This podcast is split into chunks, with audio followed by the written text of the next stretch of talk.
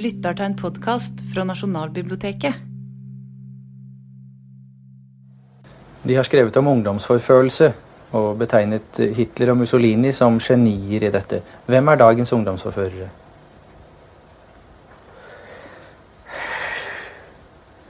Jeg tror dagens ungdom i grunnen er svært vanskelig å forføre. Altså Det er klart at de glir Hva jeg har kritisert flere ganger, er at man uh, lett glir over i uh, autoritære tankebaner som er hentet fra la oss si, en uh, nu nokså størknet kommunistisk tankegang. Men jeg tror det er helt forbigående fenomen. Jeg tror faktisk ikke at det eksisterer noen på den måten effektiv ungdomsforfølgelse som det var f.eks. i 30-årene. Og jeg tror at de simpelthen har sett at vi blir nødt til å tenke selv. Vi blir nødt til å ta ansvaret selv. Og der kommer også hele frihetsproblematikken inn i bildet, nemlig at frihet, som man holder på å erverve seg, det er ikke bare Det er ikke egentlig riktig synes jeg, å snakke om frihet under ansvar, fordi det finnes ikke frihet uten ansvar, og det finnes heller ikke ansvar uten frihet. At det i grunnen er praktisk talt samme ting. Velger man frihet, så velger man ansvar samtidig. Man kan ikke se ut av verden. Man har og man er aldri så fri fra borgerlige besvær og bekymringer, så beholder man i alle fall ansvaret for sitt eget liv. I den grad man har frihet. Er man lenket, virkelig ufri, bokstavelig forstand, så har man jo ikke ansvar for noe av det som uh, skjer omkring en. Man kan ikke gripe inn. Har man frihet, så følger ansvaret automatisk av seg selv. Wenche Myhleisen, Kaja Melsom. Dere har begge to i deres respektive arbeid befattet dere med tema frihet på ulike måter. Kan jeg først spørre, Hva var det første møtet dere hadde med Jens Bjørneboe og hans forfatterskap? Wenche? Ja, um, det er ganske anekdotisk, dette. fordi før jeg i det hele tatt hadde lest noe av Bjørneboe, men han hadde jo status som den han var på 1970, da jeg gikk på gymnaset i Mosjøen, så eh, skjedde det at eh, en bok innpakket i sånn brunt pakkepapir eh, ble gitt videre til noen. Men, og jeg fant aldri ut hva som var utvalgs, utvalgskriteriene, men jeg fikk altså denne boken i hendene, og det viste seg å være uten en tråd. Så jeg liksom leste da liksom sånn uh, skamfull uh, Jeg skjønte at det var veldig hemmelig. Uh, leste jeg uten tråd. Det var mitt første møte med Bjørneboe. Og man, jo, man, man, kan jo tenke seg Jeg vet ikke om dere har lest 'Uten tråd'. Jeg kan ikke helt huske det, men jeg, det, jeg kan huske litt. Og jeg leste den på en måte og det sier noe om hvor usynliggjort den kvinnelige seksualiteten må ha vært i 1970. fordi at Jeg leste det som en slags kvinnelig seksualitetens frigjøringsbok. Og jeg tror det skal mye til, egentlig. For det er en veldig mannlig fantasi, denne boken. Eh, det var det første møtet. Og det andre møtet var faktisk helt konkret, fordi at eh, jeg jobbet med Tesby-teater, som var en sånn fri en av de frie teatergruppene i Norge. Eh, og I 1976 så satte vi opp 'Amputasjon av Bjørneboe', som, er, som handler om tvangsnormalisering. Mm. Og På en av prøvene kom i Tønsberg kom Bjørneboe og var veldig sliten. Hadde med seg en flaske rødvin. Det husker jeg veldig godt. Og Ikke lenger etterpå så hadde vi premiere på amputasjon i Rotterdam. Og rett før vi skulle på scenen, så fikk vi et telegram hvor vi fikk vite at han var død. Så jeg husker det veldig spesielle med å måtte gå på scenen og informere publikum om at uh, Bjørneboe nettopp døde. Så det det, det, det jeg husker best. Har han vært en forfatter som har hatt betydning for deg? Jeg, jeg, jeg tror kanskje nei. Jeg, tror jeg, jeg, har lest Jonas og jeg har lest deler av bestialitetens historie som jeg syns var veldig vanskelig å lese pga. de konkrete beskrivelsene. Så jeg, tror at Bjørneboe har hatt en betydning som en kulturell figur. Mm. Eh, som jeg faktisk tror det har vært for mange. Mm. Av min generasjon, i hvert fall. Mm. Hvordan er det med deg, Kaja? Nei, jeg har ikke lest 'Uten en tråd'. Uh, der har jeg sikkert gått glipp av noe. Men uh, jeg første møte med Bjørneboe var Jonas. For jeg hadde gått tre år på Steinerskolen, og der eh, var jo han uh, Der var det jo mye snakk om han, for Bjørneboe underviste jo selv på Steinerskolen og var, var en ledende skikkelse på 50-tallet i antroposofien. Og, så jeg leste egentlig Jonas med liksom egentlig litt sånn Hva er det? Hva var egentlig For å få et innblikk i antroposofien, da. Men, men ja, det jeg sitter igjen med, og så har jeg i senere tid lest uh, 'Frihetens øyeblikk'. Uh, og det jeg sitter igjen med, det er vel en sånn uh, Det er at Bjørneboe i begge disse bøkene på litt forskjellige måter idealiserer friheten. Altså hvordan han beskriver Og, og at han også ser litt ned på vanlige kjedelige rutinemennesker. Eh, I Jonas så har du disse vanlige lærerne på offentlig skole som bare er regelstyrte, dritkjedelige, greier ikke å tenke én kreativ tanke, blottet for empati. liksom bare virkelig, eh, Det er ikke noe håp for dem.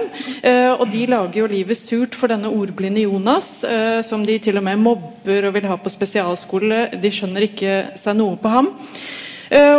Og Jonas' redning blir jo å komme på noe som ligner veldig på Steinerskolen. og Der er lærerne fulle av empati, de er frie, kreative. Virkelig åndsmennesker.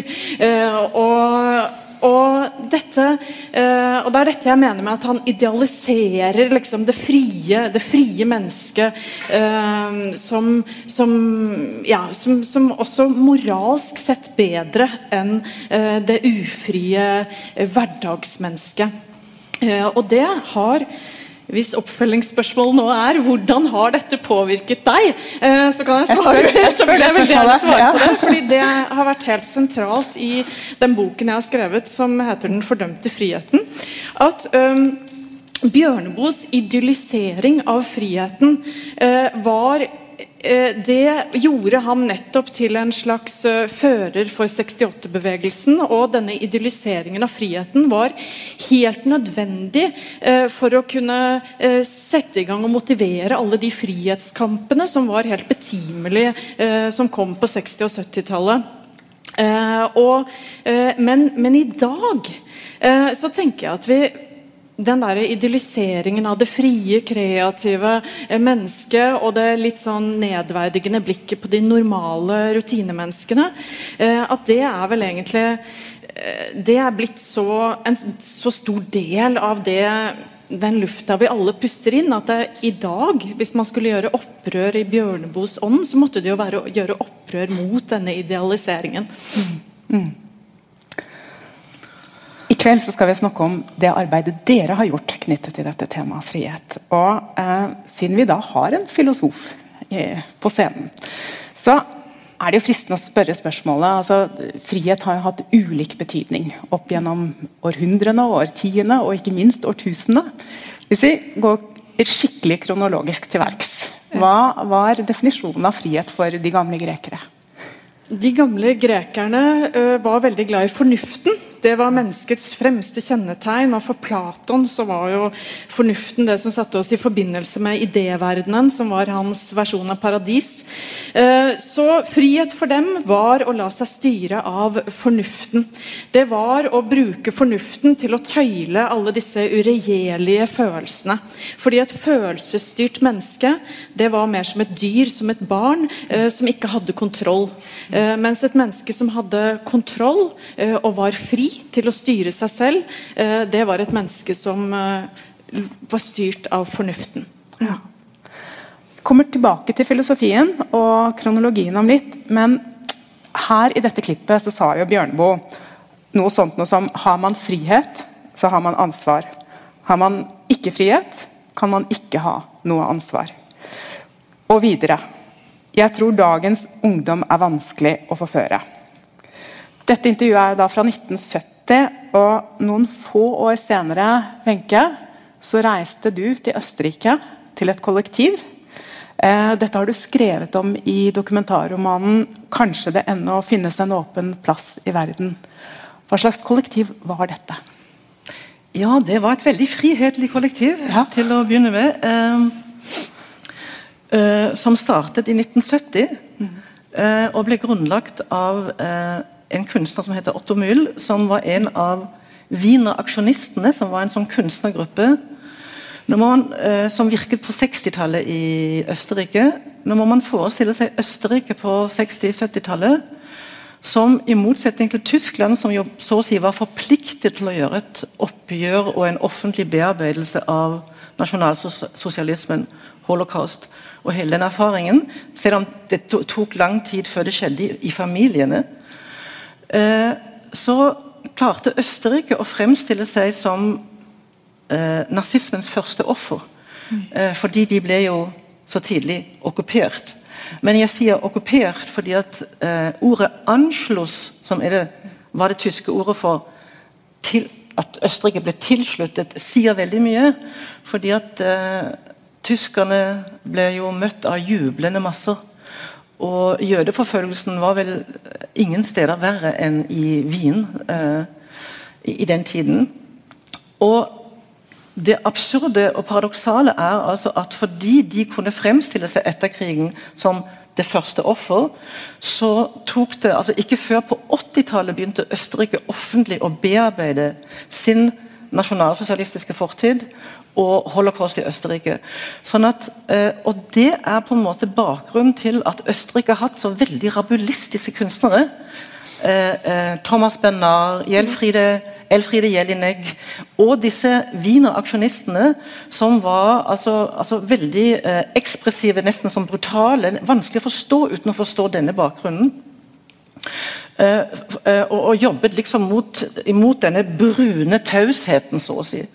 Og En av disse kunstnerne, eh, Otto Mühl, aksjonistene, han startet AAO-kollektivet med en tanke om at kunsten, å gjøre livet til kunstverk. En nokså farlig tanke i og for seg. fordi at eh, det er jo, altså Livet det betyr jo menneskene som da blir et kunstverk i en kunstners visjon. Eh, eh, selv om det ikke ble formulert sånn, eh, så utartet det etter hvert til det. Men for å si det kort, så var jo AO-kollektivet eh, ett av mange tilbud på 70-tallet. Eh, hvor tanken rett og slett var at eh, 70-tallet, og særlig i Tyskland og Frankrike kanskje, var jo preget eh, ikke bare av følelsesdiskurser, men var preget av en, en ganske rasjonelle diskurser. Frankfurterskolen, kritisk teori, marxistisk filosofi, som var grunnlaget for oppgjøret egentlig med den tausheten, også i Tyskland. Derfor var jo 70-tallsoppgjøret i Tyskland så radikalt og delvis ble det ganske ekstremt. Og med venstreterror. Eh, så nasjonalsosialismen spiller en stor rolle som bakgrunn for eh, eh, 68-bevegelsen. 68 eh, sånn at mange av eh, disse tilbudene eh, på 70-tallet handlet på en måte om at hvis vi skal endre samfunnet, så kan vi ikke bare drive med teori. Og vi kan ikke bare drive med, med, med, med politikk i den, i den, tradisjonelle forstand. Vi må endre mennesket. Fordi at mennesket er så innsauset og innsosialisert i de gamle autoritære institusjonene. Og dermed får du denne 70-tallsmiksen av politikk, kunst og terapi. Som AO er et veldig sånn talende eksempel på. Så det var jo da altså eh, kritikken av det kapitalistiske samfunnet, av den borgerlige kjernefamilien, eh, av eh, det forstokkete, stive mennesket som skulle frigjøres ved å leve en annen modell, hvor man hadde felles eiendom, som det var i AO-kollektivet. Man la stor vekt på personlighetsutvikling, terapi og kunstnerisk utvikling. Eh, barna skulle vokse opp fritt og i fellesskap. Eh, ja, det var det som var grunnideene, så å si. Mm. Og Dette kollektivet som ble startet i 1970 Jeg kom dit i 1976, rett etter at vi hadde hatt premiere på Bjørneboe i Rotterdam. Eh, dette kollektivet eksisterte fra, altså fra eh, 1970 til 1991. Og bare for å si det veldig kort, Fra å være et frihetlig kollektiv, så endte det veldig dystert og regrederte til en sekt. Og I 1991 så ble denne aksjonskunstneren Otto Mühl, etter at noen av oss eh, tidligere hadde brutt og forsøkte å oppløse kollektivet utenfra, eh, dømt for seksuelt misbruk og narkotikamisbruk og satt syv år i fengsel. Så det er den dystre historien. Ja. Vi skal grave litt mer i den historien, men hvis vi starter ved begynnelsen i denne boken din, ja. eh, som, der vi både følger din fortelling, men også din fars. Eh, ganske tidlig i denne boken starter det med et brev fra din far. Ja. Hva skrev han til deg? Ja, Dette er en flettverksroman hvor jeg på den ene siden eh, eh, etterforsker og undersøker min fars historie, som er en historie om taushet. Fordi at min far var Wehrmacht-soldat, og min mor var norsk. Eh, men det var noe vi aldri fikk vite. Eh, det vil si Jeg fikk vite det da jeg var 27-28, da min far besøkte meg i AO-kollektivet den ene gangen, eneste gangen. Eh, og Mens jeg var i AO-kollektivet, så fikk jeg et brev av min mor eh, som fortalte meg at min søster hadde giftet seg med en afrikaner. Og min far ville ikke ha noe med min søster å gjøre lenger, fordi det var en svart mann. Jeg ble veldig opprørt over, over, da jeg fikk høre det, og skrev et brev til min far og det brevet svarte han på ca. 1978 eller noe sånt nå. 78-79. Eh, hvor han så å si outet seg som rasist. Og dette brevet har jeg glemt. Altså, jeg hadde glemt det, dvs. Si fullstendig fortrengt det, til jeg for ca. åtte år siden, da jeg, altså, før jeg begynte å skrive boken, fant igjen brevet da jeg ryddet i gamle papirer. Det er farlig å rydde i gamle papirer. Eh, og det brevet gjorde sånn inntrykk på meg å lese at det var egentlig opptakten til denne romanen. Så hvis jeg kanskje kan for Jeg kan sitere kort fra Gjør det. For han, Min far forteller altså hvor, hvorfor han føler seg forpliktet til å eh, ikke ha noe å gjøre med sin eh, svigersønn. Fordi eh, Pga. Eh, andre verdenskrig og den ideologien. Eh, og det, Den setningen som var helt utslagsgivende for meg når jeg gjenleste den, eh, som ble så viktig for meg, det er at Jeg håper, Wenche, at du forstår meg, skrev han. Du lever jo også for din overbevisning mot strømmen. Og Da jeg gjenleste dette brevet nå som jeg fant det, så jeg kjente liksom skamrødmen komme opp i meg. For jeg tenkte han hadde jo rett.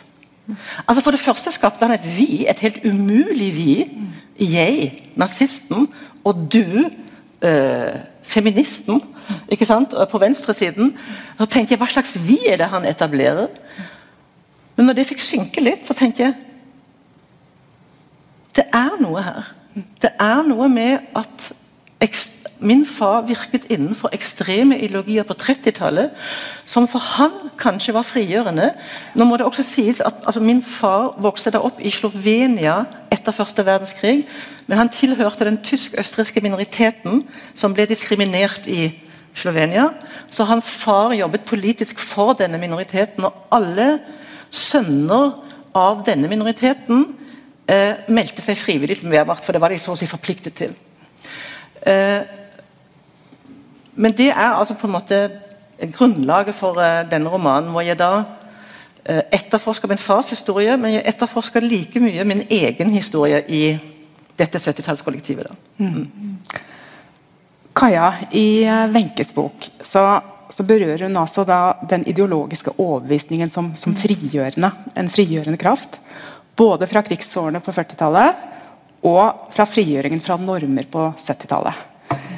I din bok 'Den fordømte friheten' så trekker jo du også opp to ulike frihetsidealer som kan knyttes til disse to tiårene som noen slags paralleller. Eh, hva slags eh, frihetstenkning er det som står opp mot hverandre der? Ja, jeg skriver om at det er to Siden opplysningstiden så har det vært eh, to konkurrerende frihetsforståelser. Eh, og de kan spores tilbake da til eh, Immanuel Kant og til Jean-Jacques Rousseau. Eh, og eh, de var begge opptatt av selvbestemmelse. At frihet handler om å bestemme over seg selv framfor å la seg styre av andre. Men Kant han var, mente at vi skulle lytte til I stedet for å la oss styre av andre, så skulle vi lytte til vår egen fornuft.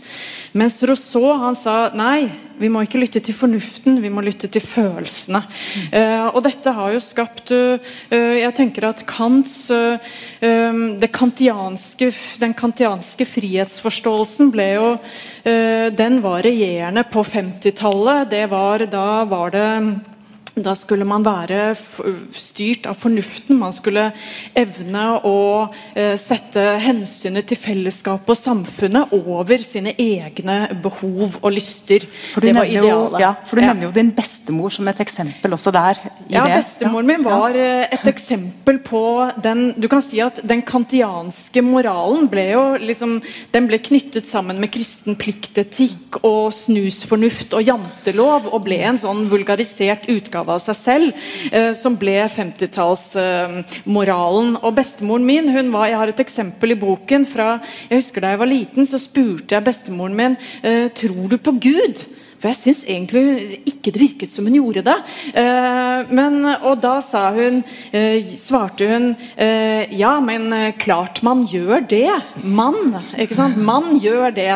Og det passet veldig godt med henne. fordi hjemme så var hun liksom fri og romslig, og sånn, men med en gang vi skulle ut av døra, da måtte vi vaske oss på hendene, ta, kneppe opp blusen, og opp, vi skulle oppføre oss som folk, ble vi fortalt. Og dette var jo 50-tallsidealet. Man skulle ikke skille skille seg ut. Eh, man skulle følge, eh, følge, normen, og det var en fast oppgave for enhver kvinne. Det var å oppholde seg foran kjøkkenbenken og oppdra barna, og mannen skulle ut og tjene penger. Og, ja, mm. hele den historien eh, kjenner vi. Og så kommer jo dette opprøret som Wenche har vært en del av. 68-opprøret. Uh, og de, eh, de, tar jo ikke bare et oppgjør med denne vulgærversjonen av det kantianske frihetsidealet. De tar et oppgjør med hele ideen om at fornuften kan føre oss eh, til gode liv og et godt samfunn. og i stedet så søker de um, så, så, utvikler de en helt ny moral basert på Rousseau. Og, og, Rousseau sier jo det at Fornuften eh, den har, en Kortversjonen er at fornuften har jo brakt sivilisasjonen der vi er i dag. Men fornuften, baksiden med fornuft og språk og fornuftig tenkning er at vi blir eh, At vi begynner å sammenligne oss med andre mennesker. Eh, og at vi, vi utvikler et konkurransesamfunn med hierarkier osv. Og, og da blir det krig og, og grusomhet. Men Rousseau mente at på bunnen på bunnen så var vi gode. På, så, og han var optimist på den måten at han tenkte at uh, altså Han har jo dette begrepet om den edle ville. Uh, og det er jo illustrerer jo Det skal jo illustrere at mennesket, før vi ble besudlet av fornuften og språket og sammenligningen, så levde vi i en slags paradisisk tilstand uten språk, uten selvbevissthet, uh, men hvor vi var gode, hvor vi hadde en sånn naturlig vi, vi, vi hadde empati med andre når vi opplevde lidelse. Og det var dette Rousseau mente at vi måtte tilbake til For å få gode samfunn og gode liv, så måtte vi søke tilbake til dette uh, uskyldige gode på bunnen. Og jeg tenker at dette var 68-erne brukte eh, de eh, Der var på en måte etoset 'slipp følelsene fri', og det gode samfunn og det gode liv vil, vil blomstre. Jeg syns dette er veldig spennende, fordi jeg er delvis enig med det. Men jeg tenker at det er um, Jeg tenker at det, det var både og. fordi at På den ene siden var jo, som jeg forsøkte å antyde, 70-tallets oppgjøret fundert i nokså fornuftige, rasjonelle diskurser, som Frankfurterskolen, kritisk teori, marxistisk filosofi, som handlet om politikk, økonomi, som handlet om å vise til at eh, ulikheten og forskjellene handler om makt. Mm. Uh, mens nettopp den kantianske fornuftsdiskursen var basert på en sånn universell fornuft, som jo eh, er en vanskelig konstruksjon, for vi må jo i dag vil jo fornuftige mennesker kanskje spørre hvem sin fornuft snakker vi om? Hvem sine interesser? Og når vi snakker om den allmenne og den universelle fornuft, så må man alltid spørre, hvilket man gjør kanskje nå aktuelle diskurser i postkolonialismen. ikke sant? Er det den hvite manns, den vestlige hvite manns fornuft vi snakker om, eller hvilken fornuft? Så Sånn sett vil jeg faktisk protestere litt mot at bakgrunnen, den filosofiske og teoretiske bakgrunnen for 70-tallsoppgjøret var et føleri. Mm. Men du har likevel rett, uh, fordi det var det også. Og da vil jeg også si at det hadde egentlig størst en, eh, jordsmonn i USA. Mm. For det var der eh, denne, nye, mange av disse nye terapi, terapiene utviklet seg. altså eh, eh, urskriksterapi og alle disse ekspress, veldig ekspressive terapiene hvor mennesker skulle, skulle, frigjøre seg fra alle sine hemninger. I Europa hadde du særlig Wilhelm Reich, som også går inn i den diskursen på en måte, og litt i den edle, ville diskursen. at, at altså Reich mente jo faktisk at grunnlaget for fascismen, altså at fascismen kunne utvikle seg, var at mennesket var så ødelagt og hemmet i sine emosjonelle og seksuelle impulser at hvis man bare fikk frigjort disse impulsene, så ville fascismen aldri kunne skje igjen. Altså En nokså naiv eh, tankegang, vil man si, men det, det var en del av 68-diskursen, og, og, absolutt også av, av AAO-fortellingen. Og det er interessant fordi at eh, eh, Særlig seksualiteten fikk jo en sånn avgjørende rolle på 60-tallet. Med en sånn naiv tro på at man kunne finne tilbake til en slags god og vakker og opprinnelig seksualitet. Så hvis man bare fikk gravd fram den, og den fikk utfolde seg i det frie, så eh, ville alt bli bra. Og Det kan jo nesten minne litt om noen eh, veldig populære diskurser i dag. fordi at denne troen på at det finnes noe opprinnelig i mennesket som bærer på en sannhet, den er jo veldig populær med såkalt evolusjonspsykologiske diskurser. Og en sånn tilbakevending til biologiske diskurser og nypositivisme. Og det er ganske skumle diskurser, vil jeg si med min 70-tallets erfaring, fordi den hevder så å si at hvis vi bare eh, går tilbake til menneskets natur, den, altså evolusjonen, så vil vi finne ut hva som er naturlig for mennesket. Og da vet vi også hvordan det riktige, og gode, frie samfunnet bør være. Du går fra er mennesket er biologisk noe, til hvordan samfunnet bør være. Du har jo han, eh, han Jordan Petterson, som er en veldig kjent Eh, eh, populistisk eh, retorisk fremfører denne ideologien. Sånn at ja, jeg vil si Det var både og. så Det er ganske interessant at du hadde på en måte både en nokså fornuftsstyrt, politisk, rasjonal diskurs og, og denne edle, ville fortellingen. Rosorske fortellingen.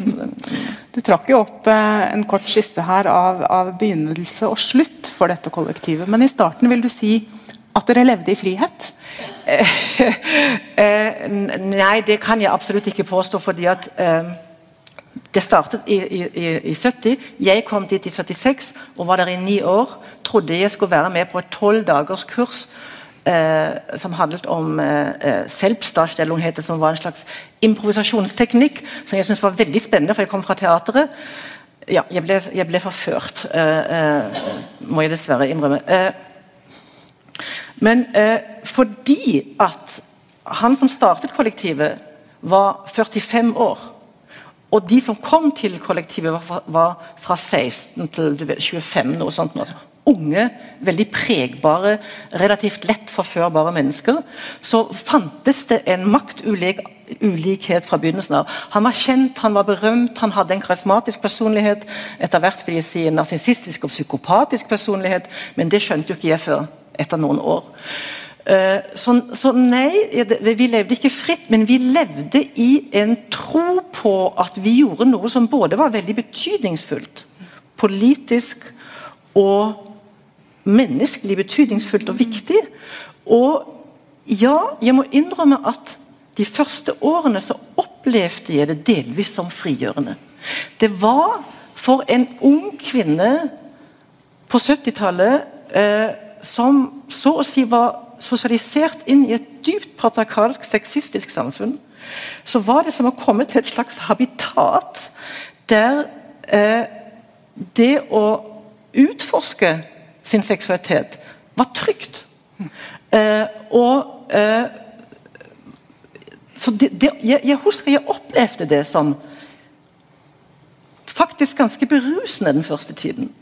Og det at vi så første tiden så lenge hadde denne veldig utforskende holdningen, eh, det var faktisk veldig spennende.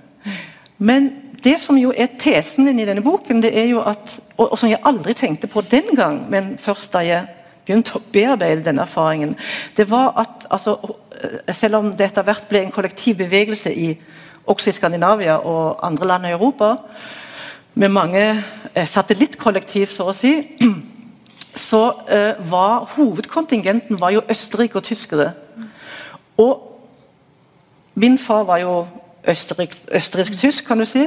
Så du kan si at vi var alle døtre og sønner av Wehrmacht-soldater. Mm. Av nasjonalsosialister. Noe vi aldri tenkte over, for vi var jo de som gjorde opp, opprør mot dette.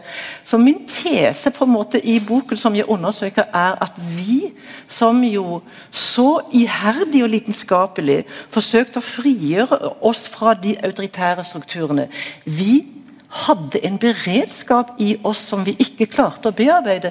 Der vi nærmest rekrederte tilbake i det autoritære. Ja, og Det handler jo om en slags intergenerasjonell videreføring av taushet og traumer som i den tiden ikke ble bearbeidet ennå, så å si. ikke sant? For, det, ja. ja, for du skildrer jo en ganske sånn hard og løpende evaluering av hvorvidt du er et forbilde eller ikke, og en, en, en, rangordning som stadig var i bevegelse. Jeg må, må ærlig innrømme at Den skildringen der den gir en veldig sterk følelse av ufrihet. Eh, ja, omtrent ja. som på arbeidsplasser som på universitet eller på, i sykehus og andre hierarkiske ja. arbeidsplasser. Nei, Men det, det, dette er veldig interessant, fordi at eh, det absurde er jo at dette frihetlige kollektivet i sin selvforståelse da, endte opp med et strengt hierarki. Men begynnelsen på det som vi kalte for de struktur, som det het, altså strukturen, hierarkiet, det startet helt annerledes. Det startet med en intensjon om at i alle grupper, men, altså i alle grupper med mennesker, så er det sånn at noen snakker mer, noen snakker mindre. Noen er veltalende, andre er sjenerte. Noen har hemninger, andre har altfor alt for lite hemninger osv. Eh, og dette var jo selvfølgelig også tilfellet hos oss.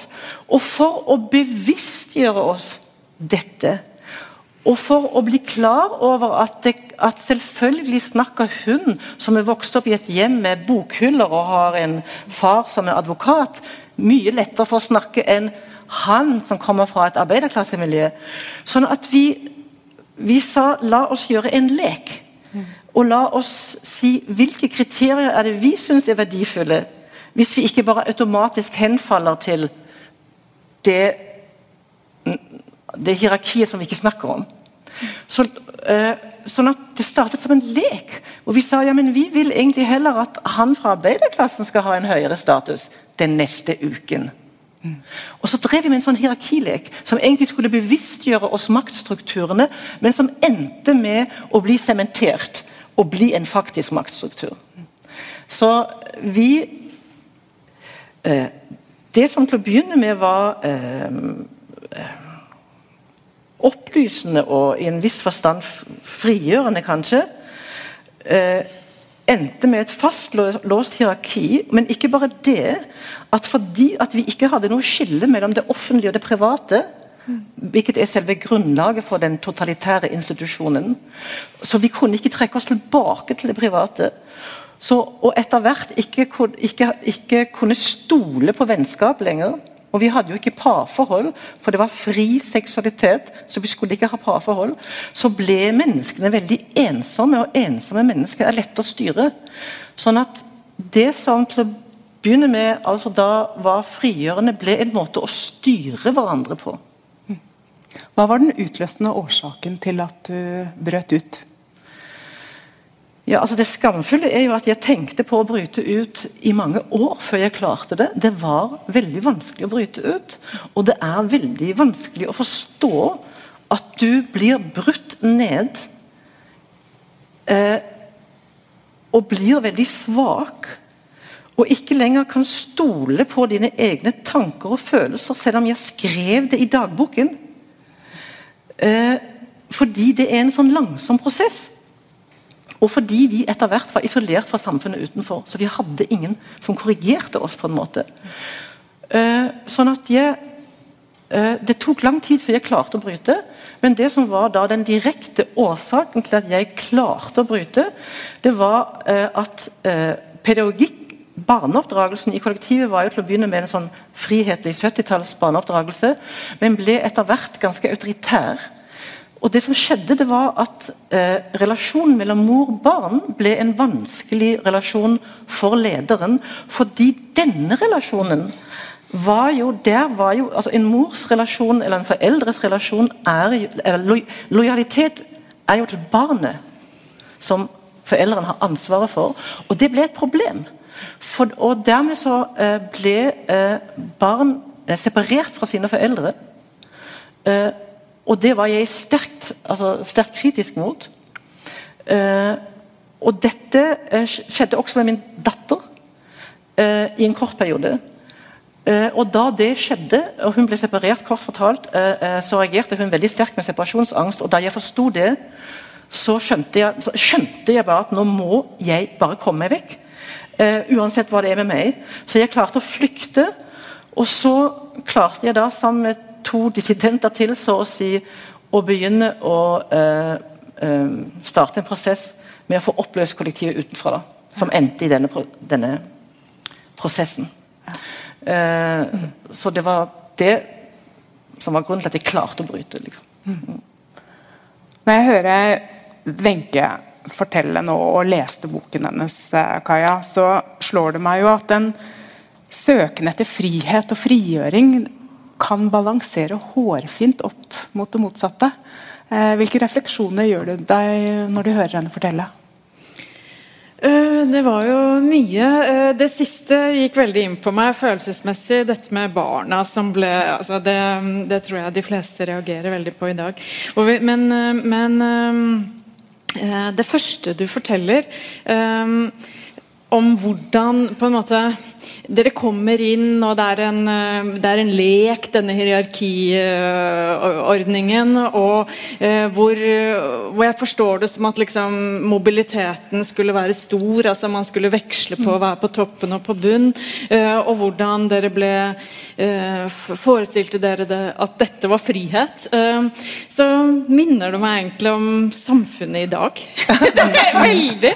Jeg får en sånn, jeg syns det var et fint bilde på hele samfunnet.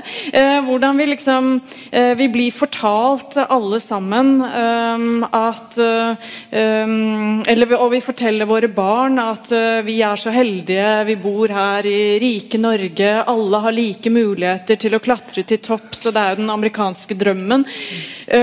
og hva skjer da, når folk begynner å kjenne ja, men det er kanskje ikke Det er noen som er friere enn andre. Det er noen det går lettere for enn andre opp til toppen der. Eh, mobiliteten er kanskje ikke så stor. Eh, og så fortell, selv om man skriver det ned i dagboka, det er noe som ikke stemmer, sånn som du gjorde, så, så, så er man liksom så indoktrinert i at jo da, eh, alle har like muligheter. At man legger skylda på seg selv i stedet. Det er meg det er noe gærent med. Og jeg tenker Dette forklarer hvorfor det er ekstremt mye skam uh, i dagens samfunn. Og skamlidelser er det som vokser blant dagens unge. Depresjon, angst. Det er jo egentlig et paradoks eh, at disse lidelsene vokser i, blant de frieste av de frie. Ja, for du skriver jo, for du skriver om det presset om å være unik. Ja, jeg, jeg, tenker jo Kort fortalt så handler jo min bok om Det er en kritikk av dagens uh, frihetsideal, uh, som jeg mener handler om uh, For oss på toppen av Maslows behovspyramide så har det i mange år frihet handlet om selvrealisering. At vi skal realisere oss på alle tenkelige områder av livet. I kjærligheten, yrkeslivet, på fritiden, som sosiale vesener. og at dette fokuset på selvrealisering globalisering nå er blitt så eh, Det skulle jo være frigjørende. Tenk deg for en husmor på 50-tallet å drømme om alt jeg har muligheten til i dag. Det var jo, det, ville, det var, ville vært stått som nirvana for henne. Eh, men i dag så opplever eh, og, og, nye generasjoner i større og større grad eh, dette som et sånn De opplever det ikke som frihet lenger. De opplever ikke alle disse mulighetene som å, jeg er kjempeheldig som får lov til å gjøre det. De opplever det som et, som et bør, som et må, som et press. Så det som før var frihet, har liksom beveget seg til å bli det normative presset. Ja. Jeg syns det er utrolig eh, spennende eh, måten du kjenner igjen dette fra, fra, fra dette 70-tallskollektivet.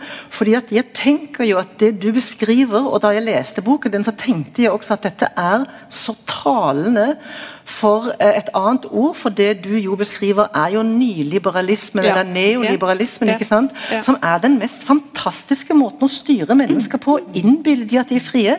Hvis jeg lykkes, da er det min fortjeneste. Hvis jeg ikke lykkes, så er det mitt helt personlige og ensomme nederlag. Og det som jo er så utrolig trist med det også, det er at når mennesket blir så ensomt, også fordi at du kan si at etter muren falt, så falt alle ideologier. Mm. Den eneste ideologien som gjensto som en slags naturtilstand, som ikke ble lest som en ideologi, det var jo kapitalismen. Eller neoliberalismen. Mm. Sånn at man later, altså Til og med politikken later jo som om politikken handler om administrasjon, ikke handler om ideologi. Men det er jo ren ideologi som gjør menneskene veldig sårbare. Det, som jeg opplevde i kollektivet, og styrbare. For hvis jeg tror at alt bare er min egen feil min egen, eller min egen fortjeneste, så og det samtidig at de fellesskapene eh, som kanskje var kjedelige og konvensjonelle, men som på en måte var en ramme og en himmel over livene før. ikke sant? Eh, men, og som på 70-tallet handlet jo fellesskapen om at vi skal i fellesskap skape noe nytt. Både politisk og sosialt. De fellesskapene har jo liksom blitt veldig få. Sånn at mennesket er blitt så alene.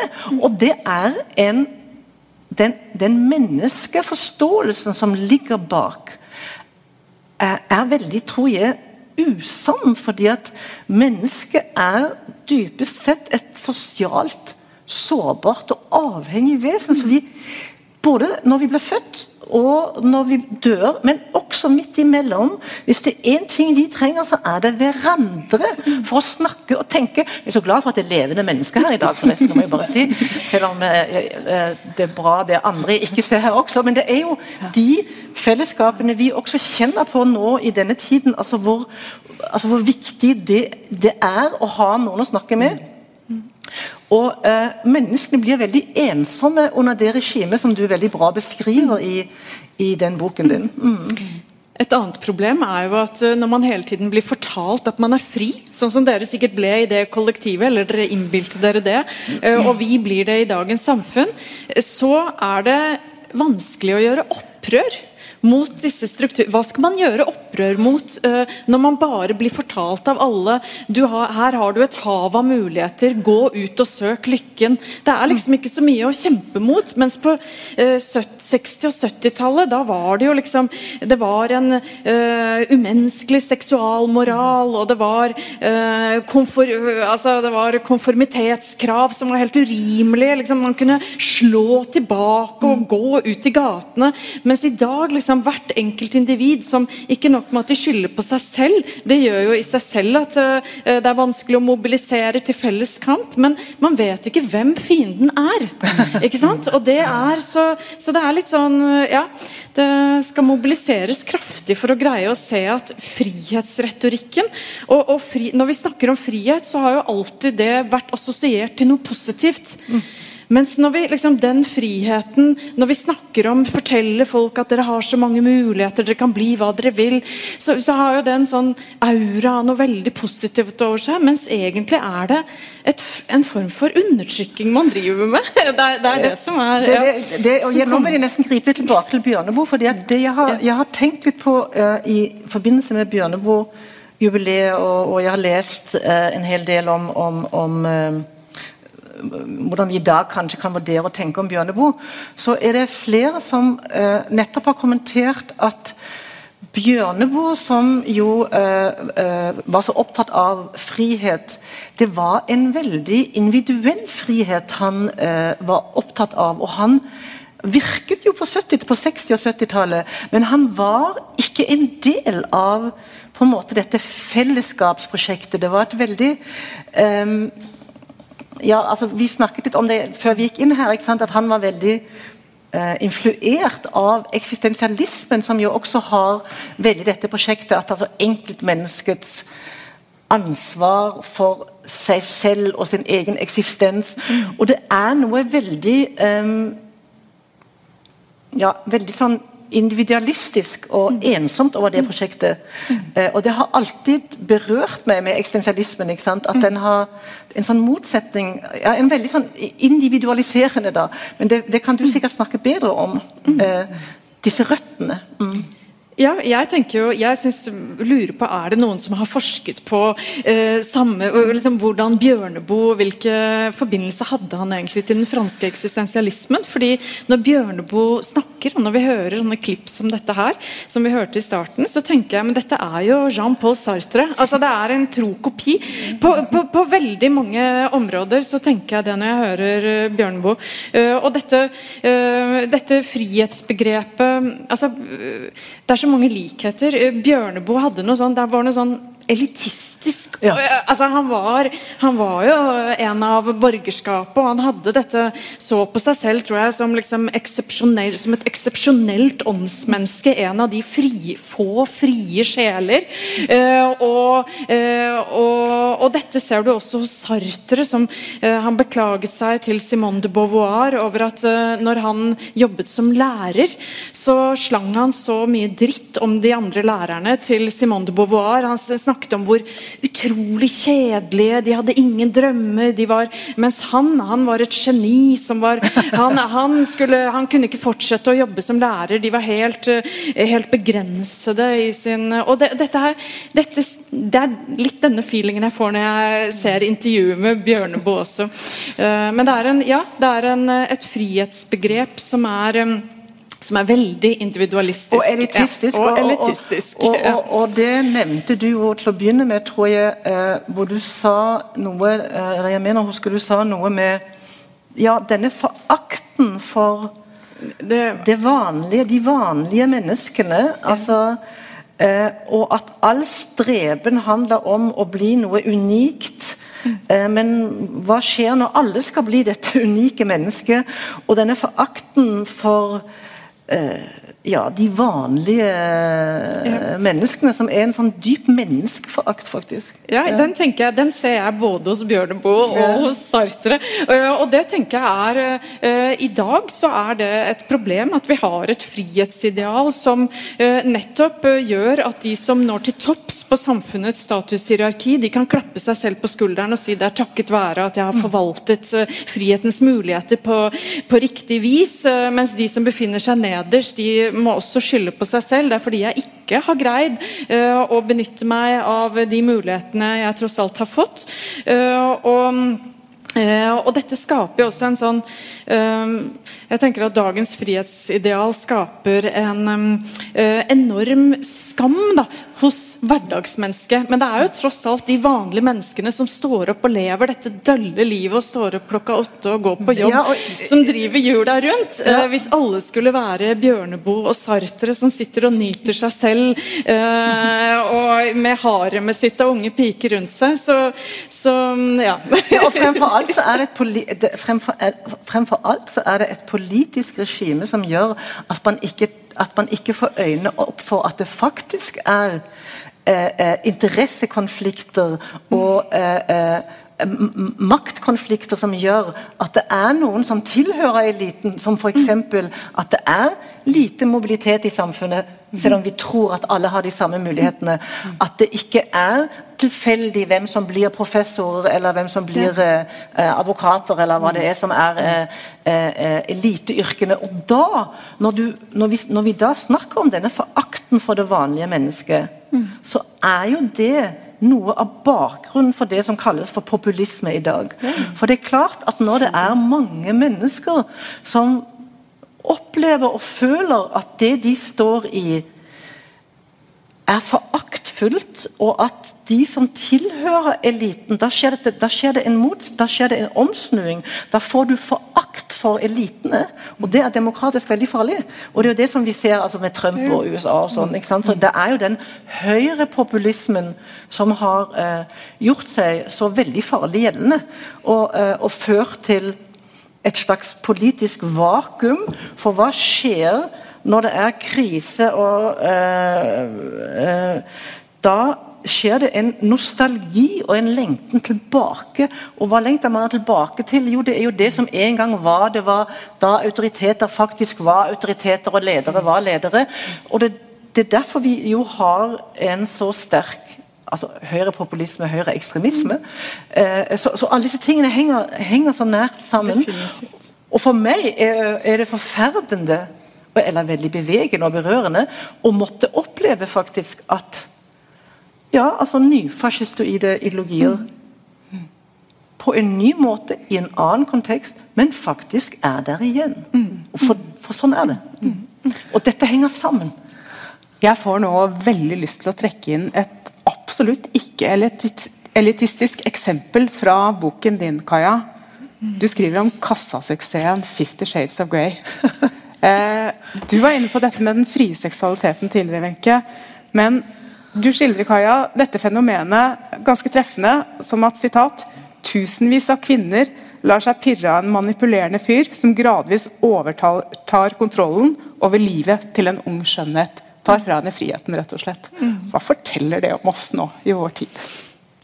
Jeg tror det forteller at um, vi mennesker, vi Uh, altså, fri, dette tror jeg Bjørneboe kunne skrevet under på. Uh, uh, det er at friheten koster. altså, vi det, Friheten, det er ikke noen Det er ingen garanti for lykke. Tvert imot. Eh, jo flere valg du må ta, jo mer ansvar du må ta, som Bjørneboe var inne på i klippet, eh, jo mer uro, jo mer tvil, jo mer mulighet for anger, jo mer dårlig samvittighet. Alle disse eh, vanskelige menneskelige følelsene kommer med friheten. Og jo mer usikre vi blir, jo, mer, jo vanskeligere vi syns det er å ta ansvar for eget liv. Og stå til ansvar for for det, jo sterkere blir lengselen eh, etter at noen skal komme og ta over styringa for oss. Eh, enten en autoritær leder eh, eller en sjarmør eh, som viser seg å være en manipulator. Eh, og selvfølgelig, denne er litt sånn eh, Det er kanskje en pervers utgave av denne lengselen som man ser i denne Fifty Shades of Grey-kassasuksessen.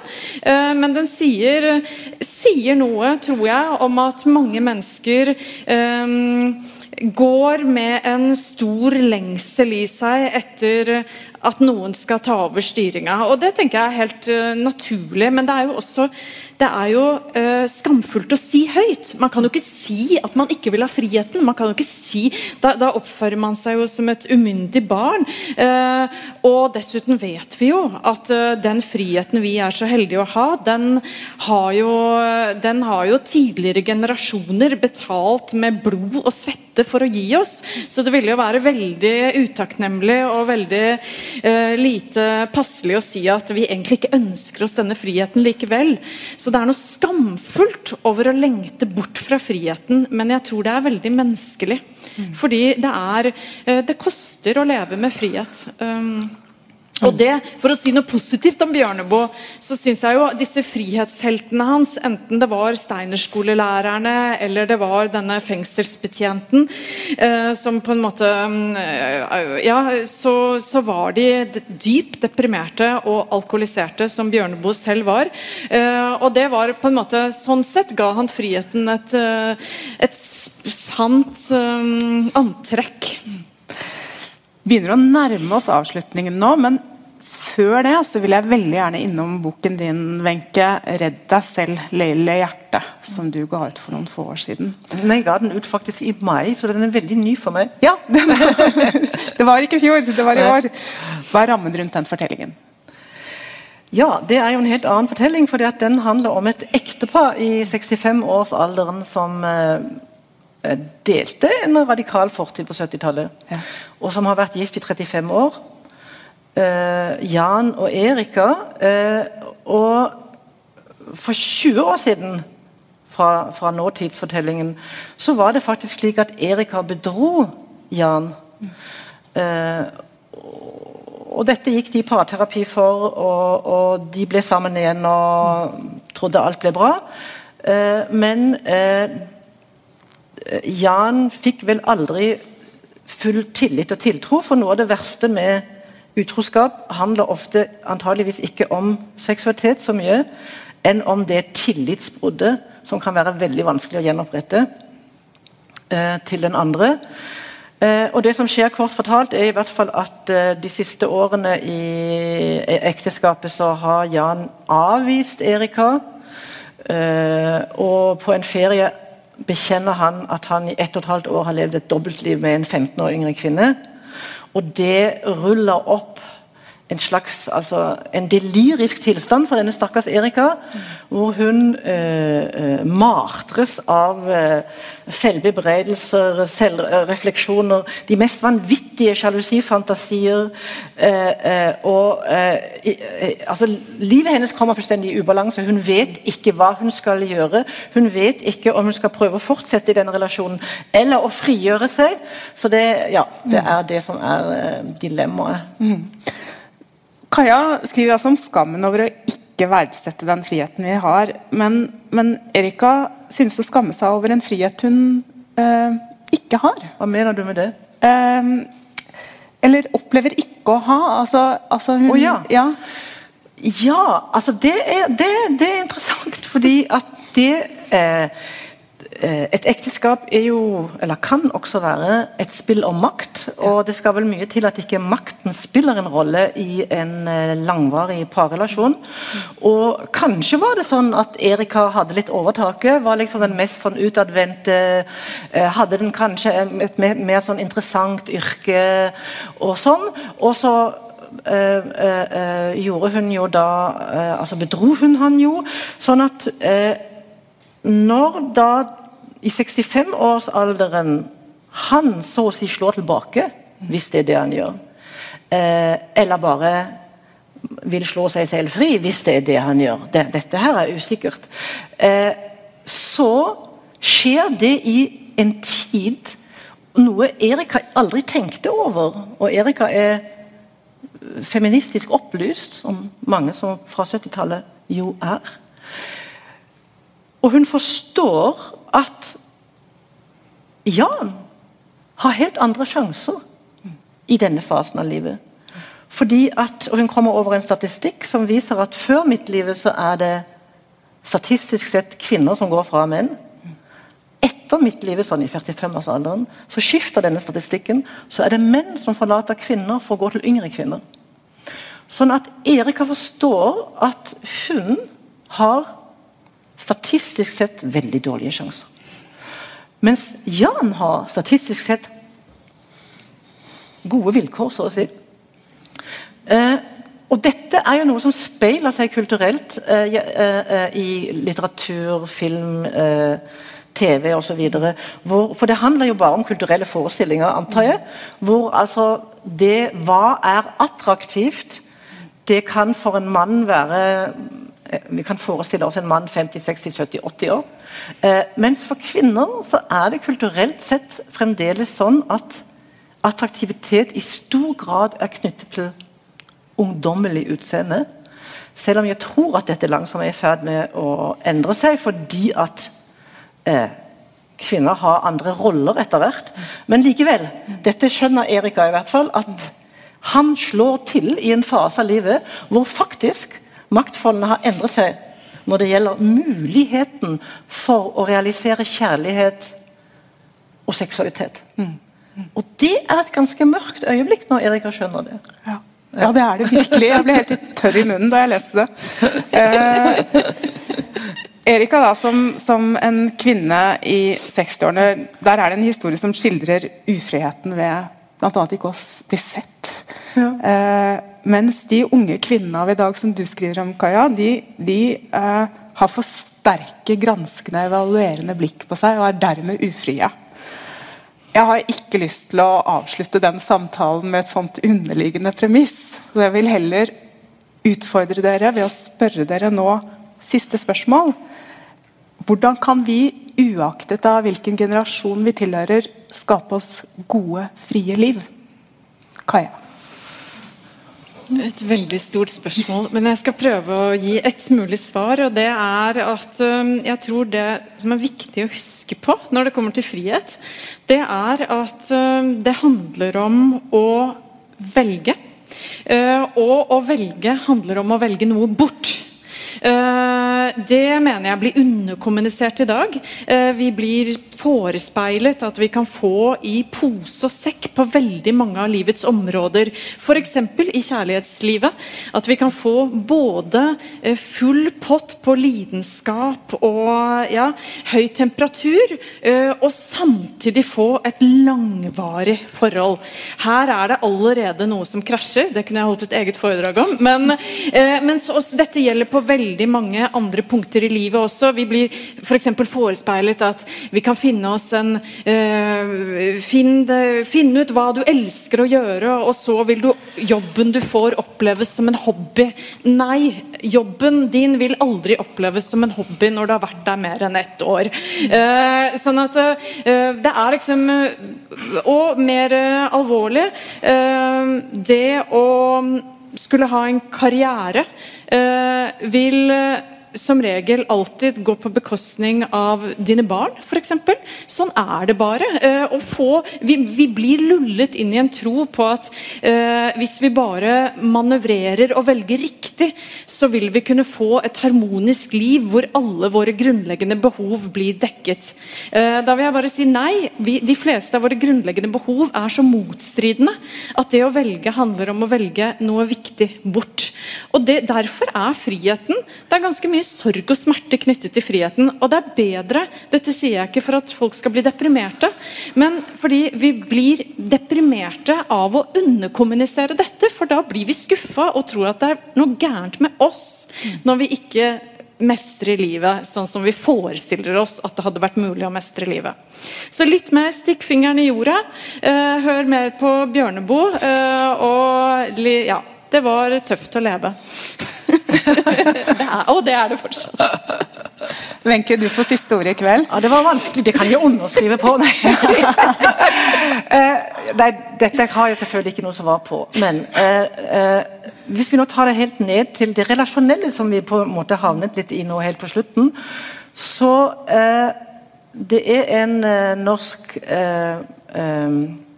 psykoanalytiker og professor som heter Siri Gullestad som har uh, uh, satt det litt sånn på spissen, det vi snakket om, ved å si at det er en motsetning som Freud var veldig opptatt av, mellom, altså på seksualitetens område, men altså seksualitet og kjærlighet, som handler om på den ene siden det man i dag innenfor psykologien kaller for tilknytningsbehovet. Mm. Altså behovet for trygghet, tilknytning, kontinuitet, kjærlighet. På den ene siden. Og på den andre siden det helt motsatte. Behovet for risiko, eh, eh, individualitet, eh, eh realisering, selvrealisering, eventyr. Det skumle og forbudte. Mm. Og at dette er vanskelig for enbare krefter. Og Dette her synes jeg er veldig interessant, både når det gjelder altså eh, parrelasjoner, men også når det vi snakker om altså eh, livet i frihet med ansvar. Fordi at det, Dette gjelder jo ikke bare i relasjoner, men jeg tror det kanskje nå fantaserer jeg, gjelder det å anerkjenne at disse nokså motstridende behovene faktisk er noe vi skal leve med livet ut. Og vi skal både ta i Bjørneboes forstand ansvaret for når vi overskrider eller selvrealiserer eller ønsker å leve i Sier opp jobben som vi har gjort, eller hva man nå gjør. ikke sant? Sånn risikoatferd, eller hva man gjør.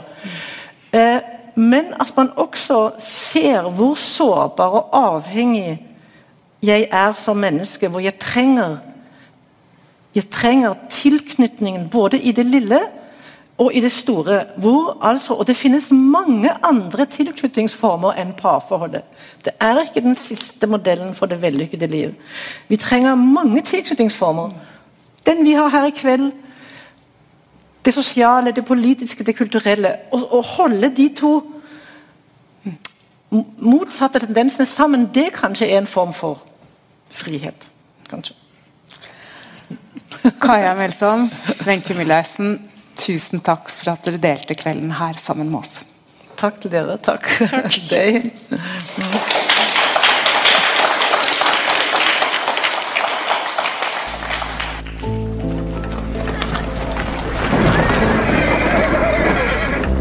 Tenk deg at du går på ei folketett gate, så tett at du dulter borti folk. De er sjuke av korona, og kommer du borti feil person, ja, så blir du òg sjuk og kan dø. Sånn var det på 1500-tallet. Ikke fordi det fantes korona, men da trodde en på trolldom. I samlingen til Nasjonalbiblioteket finnes det mange glemte liv. I podkasten Gamle greier vekker vi deres historier til live.